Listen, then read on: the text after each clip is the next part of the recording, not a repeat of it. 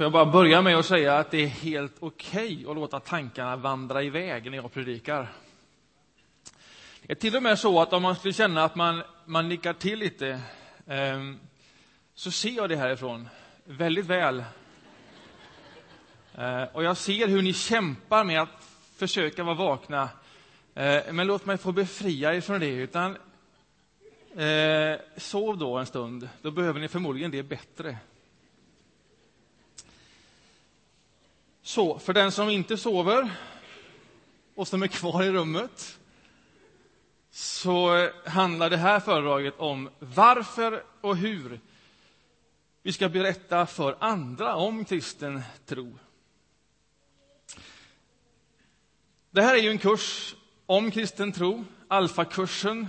Eh, de här eh, föredragen, talen som vi håller, en grundläggande kurs i kristen tro. Och man kan ju med fog undra varför ett föredrag i mitten av en sån kurs ska hantera ämnet varför och hur ska vi berätta om tron för andra.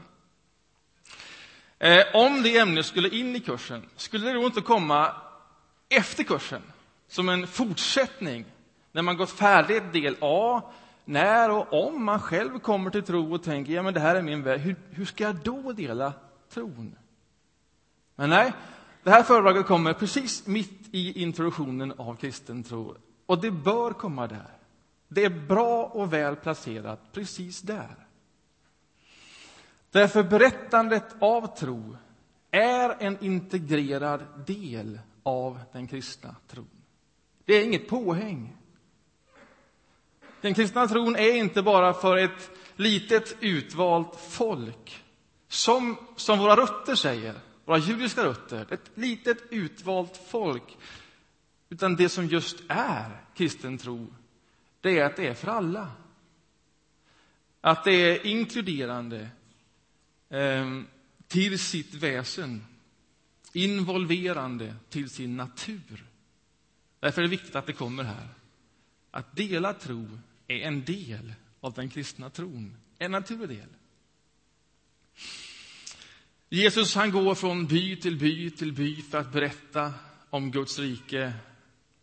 Och, och sen drar han sig undan för att vila och då kommer människor som har hört om honom där. Och då säger lärjungarna, låt dem nu få höra ännu mer. Och då säger han, nej, de har redan hört. Vi går vidare till nästa by. Och så går han till nästa by, till nästa by, till nästa by. För att alla ska få höra.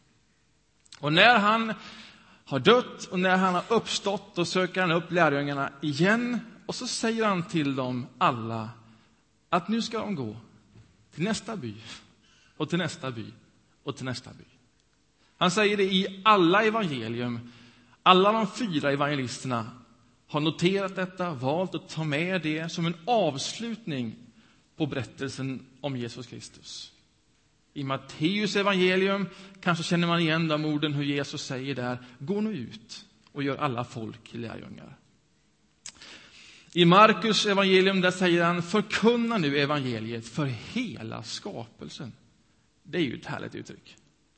I Lukas evangelium där säger han efter att han har lagt ut skrifterna och hur de berättar på förhand om hans död och uppståndelse. Ja, och nu ska ni vittna om allt detta. Och i Johannes evangelium där slutar han med att säga som Fadern har sänt mig, så sänder jag er. Och så säger han någonting mer. Han andas på dem och säger ta emot helig ande. Och det är ju spännande tillägg till detta uppdraget. Att vittna, att berätta, att förkunna om Jesus Kristus.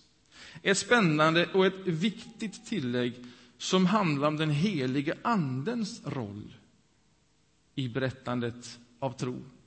Och här vill jag läsa ett stycke ifrån Johannes evangeliet där Jesus formulerar sig omkring Andens roll. Kapitel 15 och från vers 26.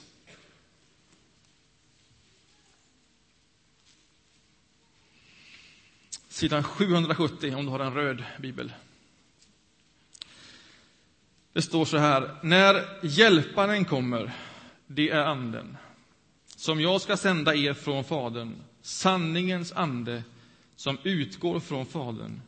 Då skall han vittna om mig. Också ni ska vittna, ty ni har varit med mig från början. Men det stora och det första och det största, det är att den helige Ande ska vittna om Jesus Kristus. Och sen ska också vi göra det.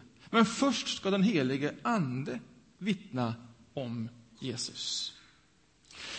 Alltså vad Anden gör, det är ju att Anden gör Jesus Kristus närvarande.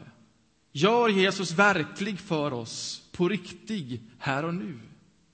Eller andra uttryck om Anden är att Anden gör oss seende, så att vi ser Jesus Kristus för oss själva.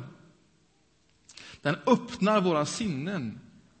Och det här är viktigt, och vi har sagt det förut. Vi är inte kristna människor genom vår mentala kapacitet.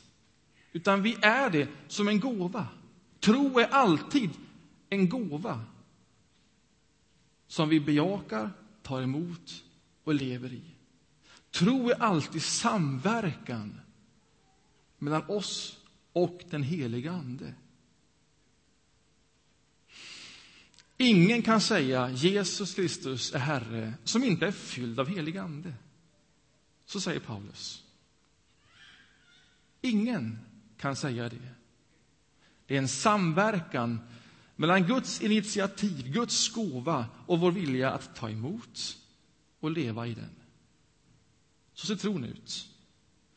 Och Paulus han ber vidare om att vi alla ska få vishetens och uppenbarelsens ande så att vi kan få kunskap om Gud. Och så avslutar han, må han ge ert inre öga ljus. Det är vad anden gör. Det är omöjligt att bli liksom kristen själv, bara på eget beslut. Det är alltid så att Gud först tar ett initiativ till gemenskap. Ger oss möjlighet till tro. Vi tar emot det. Det är en samverkan med den helige Ande. Tro är ett mysterium. Inte en ekvation att få gå ihop. Ett liv. Tidigare när vi talat om anden i kursen så, så har jag berättat om bilden från en katedral, en stor klassisk gammal katedral. Tänk Vasa kyrka, typ. Och ofta i den kyrkan så finns det fönster som här, men som är målade. Eh, ornament i olika färger som oftast är en berättelse ifrån Bibeln som beskriver ofta berättelsen om Jesus Kristus, om lärjungarna och så vidare. Om man, när man står på utsidan och tittar på fönstren så går det att se berättelsen och, och det är vackert och så vidare. Men sen när man stiger in i katedralen och ser fönstren inifrån. När ljuset utifrån strilar igenom fönstren, då blir det färg. Då sprakar det och då lever berättelserna. Det är därifrån man ska se dem. De blir liksom på riktigt, stigar fram, blir verkliga. Det är vad den helige Ande gör. Så vittnar Anden om Jesus Kristus, så att det blir på riktigt, levande, färggrant för oss. Men någon måste måla fönstren. Och när det kommer till att måla fönstren, att berätta berättelsen om Jesus Kristus, om möjlighet till relation med Gud, till försoning, till nytt liv i hans nåd och i hans kraft och i hans kärlek ja, då har Jesus egentligen inga andra planer än att låta oss göra det. Det är det han säger när han avslutar, när det avslutas i varje evangelium. Berätta nu, måla de här fönstren så att anden får material att jobba med och bruka. Vad är det vi gör och vad är det anden gör? Vad är det vi gör och vad är det Anden gör? Låt mig få uttrycka detta så tydligt som jag har förmåga att göra. Vi omvänder inte människor. Vi omvänder aldrig människor. Vi kan inte omvända människor. Inte ens Gud omvänder människor. En människa omvänder sig själv när och om man vill. Men det som möjliggör en människas omvändelse till Jesus är att man har hört om honom och att Anden har material att arbeta med, göra levande, göra verkligt.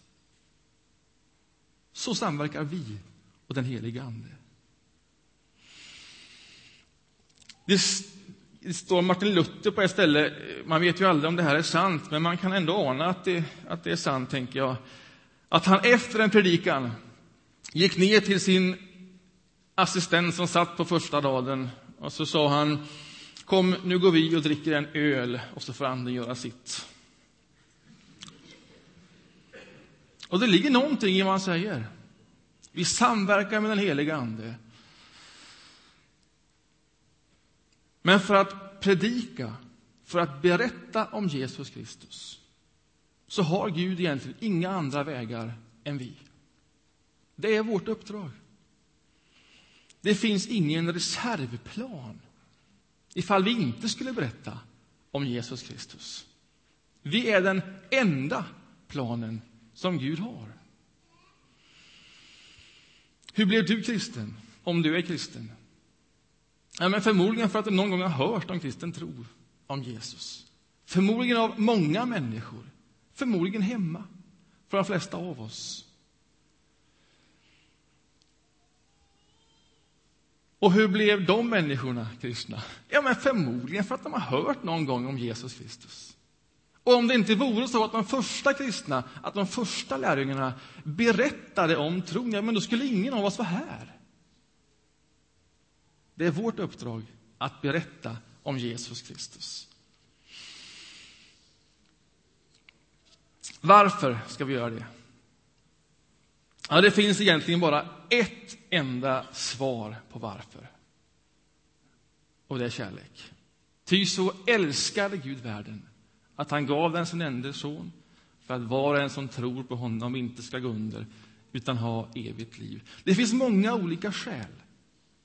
Många potentiellt möjliga skäl att berätta om tron. Men det finns inget mänskligt, långsiktigt annat hållbart skäl än kärlek. Ja, men något skäl skulle kunna vara att rädda från helvete och till himmel. Låt mig säga det så tydligt också detta, som jag bara kan. Det finns inget annat mänskligt långbart, hållsiktigt skäl att berätta om Jesus än kärlek. Allt annat alla andra motiv och skäl kommer över tid skapa ångest hos dig och dem i din omgivning. Det tillför ingen något gott. Det finns bara ett enda långsiktigt hållbart skäl att berätta om Jesus, och det är kärlek. Att du älskar dem du har omkring dig, de som är nära och de som är långt bort. Så älskade Gud världen.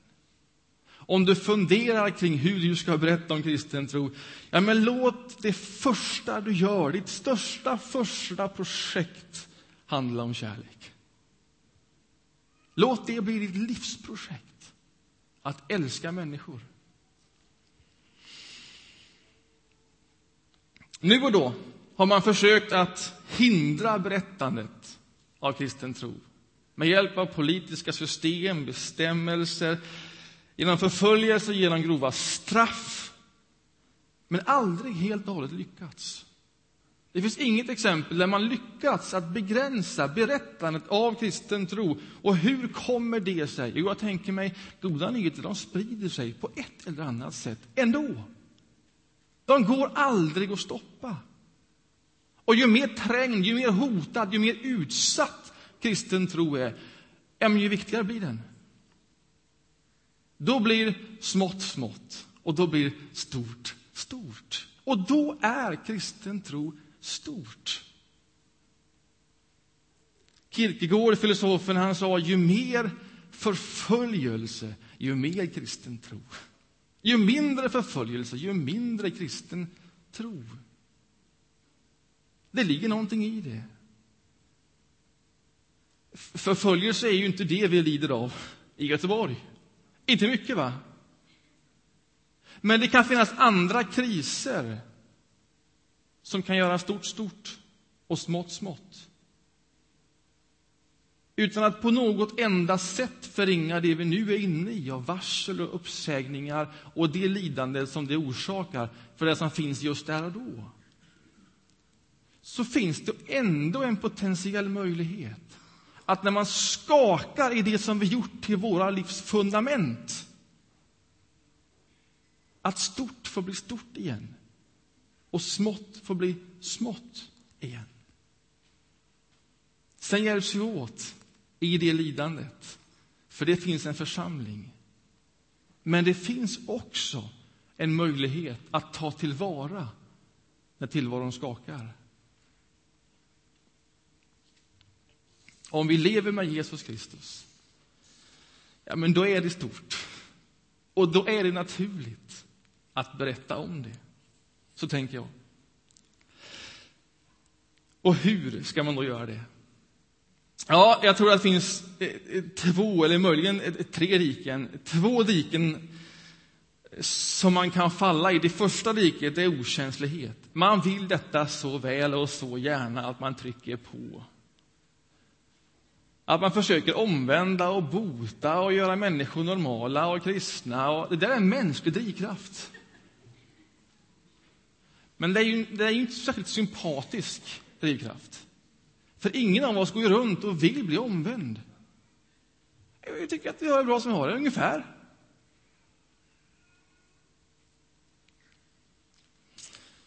Det är en dödfödd väg. Att trycka på. Vi omvänder inte människor. Vi kan inte det. Gud gör det inte. Men vi berättar om Jesus Kristus. Det andra diket, det är väl osäkerhet då, om man någon gång har tryckt på för mycket av bara god vilja. Men man känner ju själv att det blev inte riktigt bra. Så skapar det en liten osäkerhet, en rädsla, en fruktan. Det där vill jag inte göra igen.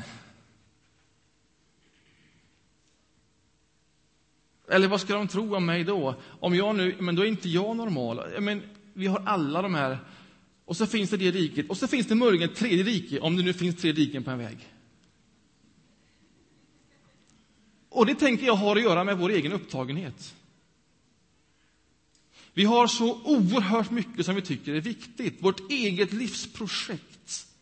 Som kan vara arbete, som kan vara familj, som kan vara saker som i sig är goda, men som blir så mycket och som stark ambition att det blir mitt hela jag och liv så att jag till sist inte ser människor omkring mig, utan mitt eget projekt. Och för att älska människor så tar det tid. För att älska människor så tar det utrymme mentalt. Om jag inte har den tiden, det mentala utrymmet, ja, men då blir det svårt att genuint älska. Om man inte älskar, ännu svårare att berätta om kristen tro. På ett gott sätt. Det står om Jesus hur han vandrade från by till by till by till by och förkunnade och han var upptagen. Och sen mitt i den här berättelsen så kommer en alldeles fantastisk kommentar. Och han såg människorna.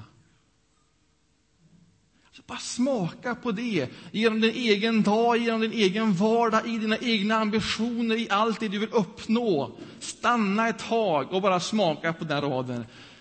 Och han såg människorna. Det är en förutsättning för berättande om tro. Så hur gör man det om man då vill ledas av kärlek i vårt berättande? Ja, några korta saker. Jag tror det första handlar om närvaro. Här vill jag läsa ihop mig ifrån Matteus evangelium, bergspredikan, som stycket heter, kapitel 5 och vers 13.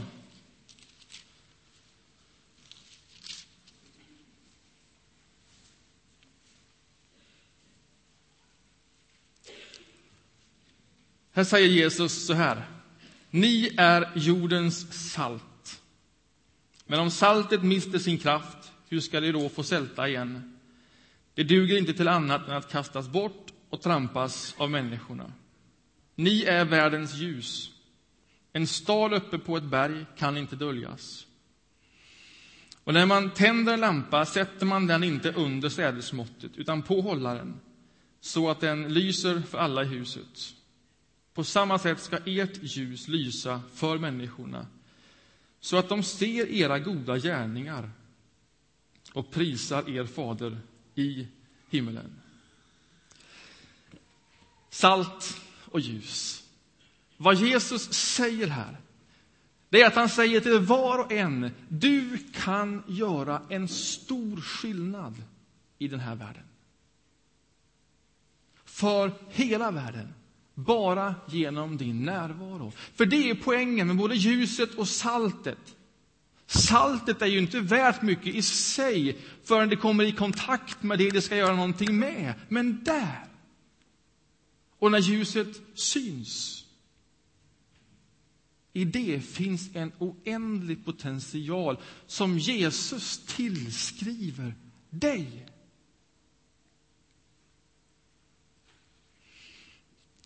Ett stort möjligt inflytande genom att låta hans ljus, Kristi kärlek, den sortens ljus lysa igenom dig och mig och oss när vi älskar vår nästa som oss själva.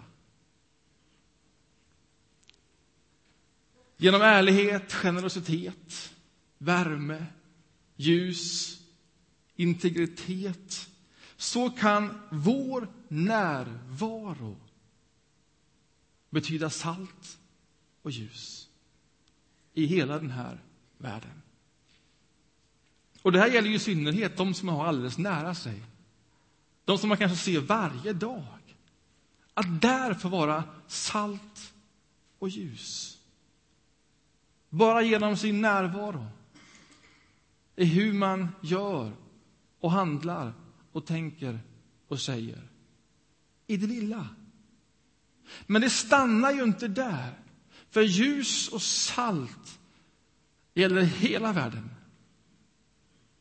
Och livet med Jesus Kristus, ja, men det får oss att känna ett engagemang och en kärlek, inte bara för de nära, utan, utan mer än så. Det är därför vi här i vår församling också finns internationellt i ett engagemang. Där vill vi genom närvaro också där vara ljus och salt. Därför finns vi ett sjukhus i Zambia. Därför koncentrerar vi oss nu i Kairo att skapa möjlighet för skolgång för flickor i en av sopstäderna. Därför finns det ett handikappprojekt med den koptiska kyrkan så att man inte längre ska gömma undan den som är handikappad utan få en plats i samhället. Därför finns vi i utkanten av Kairo i, i yrkesutbildning för de allra fattigaste som själv inte har råd med yrkesutbildning men som kan lära sig bli frisör där det inte är så dyrt att köpa verktygen när man är klar med utbildningen. En sax klarar man av och så klipper man sin kusin och så börjar man bygga en rörelse av det. Vi finns ju där av ett skäl, för att vi vill vara salt och ljus. Vi vill vara på plats, närvarande. Det är inte bara statsministrar som skriver historia, även om det är deras biografier som får mycket utrymme på kultursidorna. Jag tror det är vi och du och du och du i den oändliga potential som varje människa har som salt och ljus. Jag tror det är vi tillsammans som har potential att skriva den viktigaste historien som salt och ljus. Det andra är att ge skäl för sin tro. Det första var närvaro, det andra är att ge skäl för sin tro. Ett uttryck som återkommer i Apostlagärningarna, det är och några blev övertygade. Det kommer igen och igen. Ja, och några blev övertygade. Några var skeptiska, några gillade inte alls, men några blev övertygade. Oftast ihop med att Paulus har lagt ut skrifterna, gett skäl, resonerat. Och man tycker, vänta nu, det här låter klokt. Och så blir man övertygad. Att kunna ge skäl för sin tro, det är ett sätt att berätta om man leds av kärlek. Och det finns goda skäl för att tro. Det finns goda, intellektuellt hederliga skäl för att tro på Gud. Vi har en sån kurs som rullar nu, Smaka akademin, om man lurar på tro och vetande. All vetenskap, säger vår doktor i vetenskapsteori där, Mårten, all vetenskap bygger på antaganden, på gissningar, på tro och som sen prövas. Och varför inte låta Jesus vara ett sånt antagande, en sån gissning, en sån tro och sen utforska världen utifrån det, så kommer all vetenskap till stånd. Men att ge skäl för sin tro det handlar inte bara om att, att, att, att hitta de vinnande argumenten för att på något sätt göra ett vattentät eh, presentation av kristen tro. Än mer, och det viktigaste, det handlar om ärlighet mot sina egna frågor. Vad är mina frågor? Vad är det jag brottas med i min egen tro? Att vara ärlig inför sina egna frågor och gå ett varv med dem. Resonera omkring dem, reflektera omkring dem och sen kan du tryggt bjuda in andra människor i det som då blir dina skäl. Ta vara på dina egna frågor. Var inte rädd för dem. Det tredje skulle det kunna vara ett förkunnande. En enkel förkunnelse om Jesus Kristus. Det är ju det vi gör i Alfa-kursen. Man bjuder med någon dit, man äter en middag, en god gemenskap och sen håller vi ett föredrag ungefär som nu, som är Jesus-centrerat. Och där man talar omkring Jesus Kristus, lägger ut texterna omkring Jesus Kristus. Och sen får man resonera omkring det och bryta och vända. Och det är det vi gör i en gudstjänst. Vi kommer hit och vi bjuder med hit. Därför att i den här gemenskapen så förkunnas det varje söndag om Jesus Kristus. I sången, i talet, i bönen.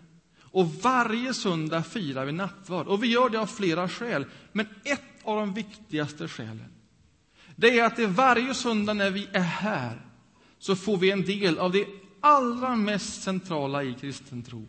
Att Jesus Kristus har dött och uppstått. Och att det är för oss. Varenda söndag så hör man den förkunnelsen. Och också ger Anden material att arbeta med.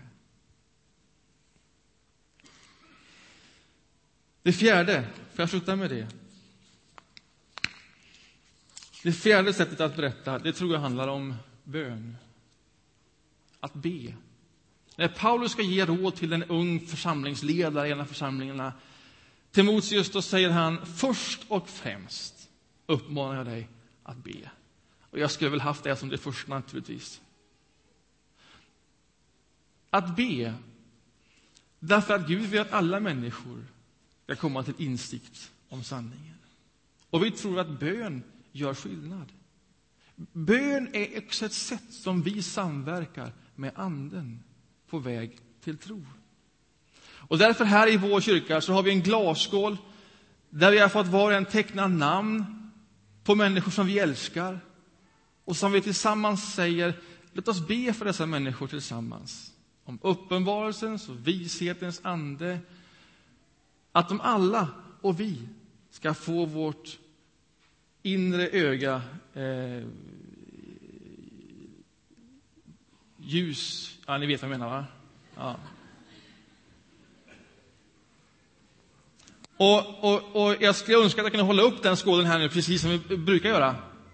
Men den är borta för den här söndagen. Eh, så om någon sitter och trycker på den, så kom fram med den.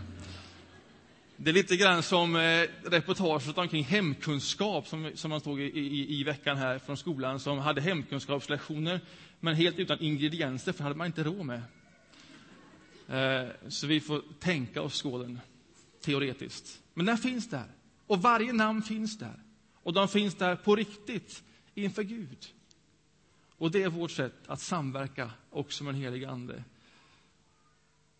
Så att Jesu Kristi kärlek blir eh, upptäckt, blir närvarande, blir verklig och blir på riktigt för oss alla. Nu ber jag för denna tänkta skål och dessa bilderna med mig. Gode Gud, tack för alla dessa människor som vi symboliskt har tecknat här. Människor som vi älskar och som betyder mycket för oss. Tack för att de alla är älskade av dig. Bottenlöst älskade av dig. Och jag ber för dem alla och för oss alla om öppnade ögon så att den kärleken blev på riktigt, verklig, närvarande, genomsyrande.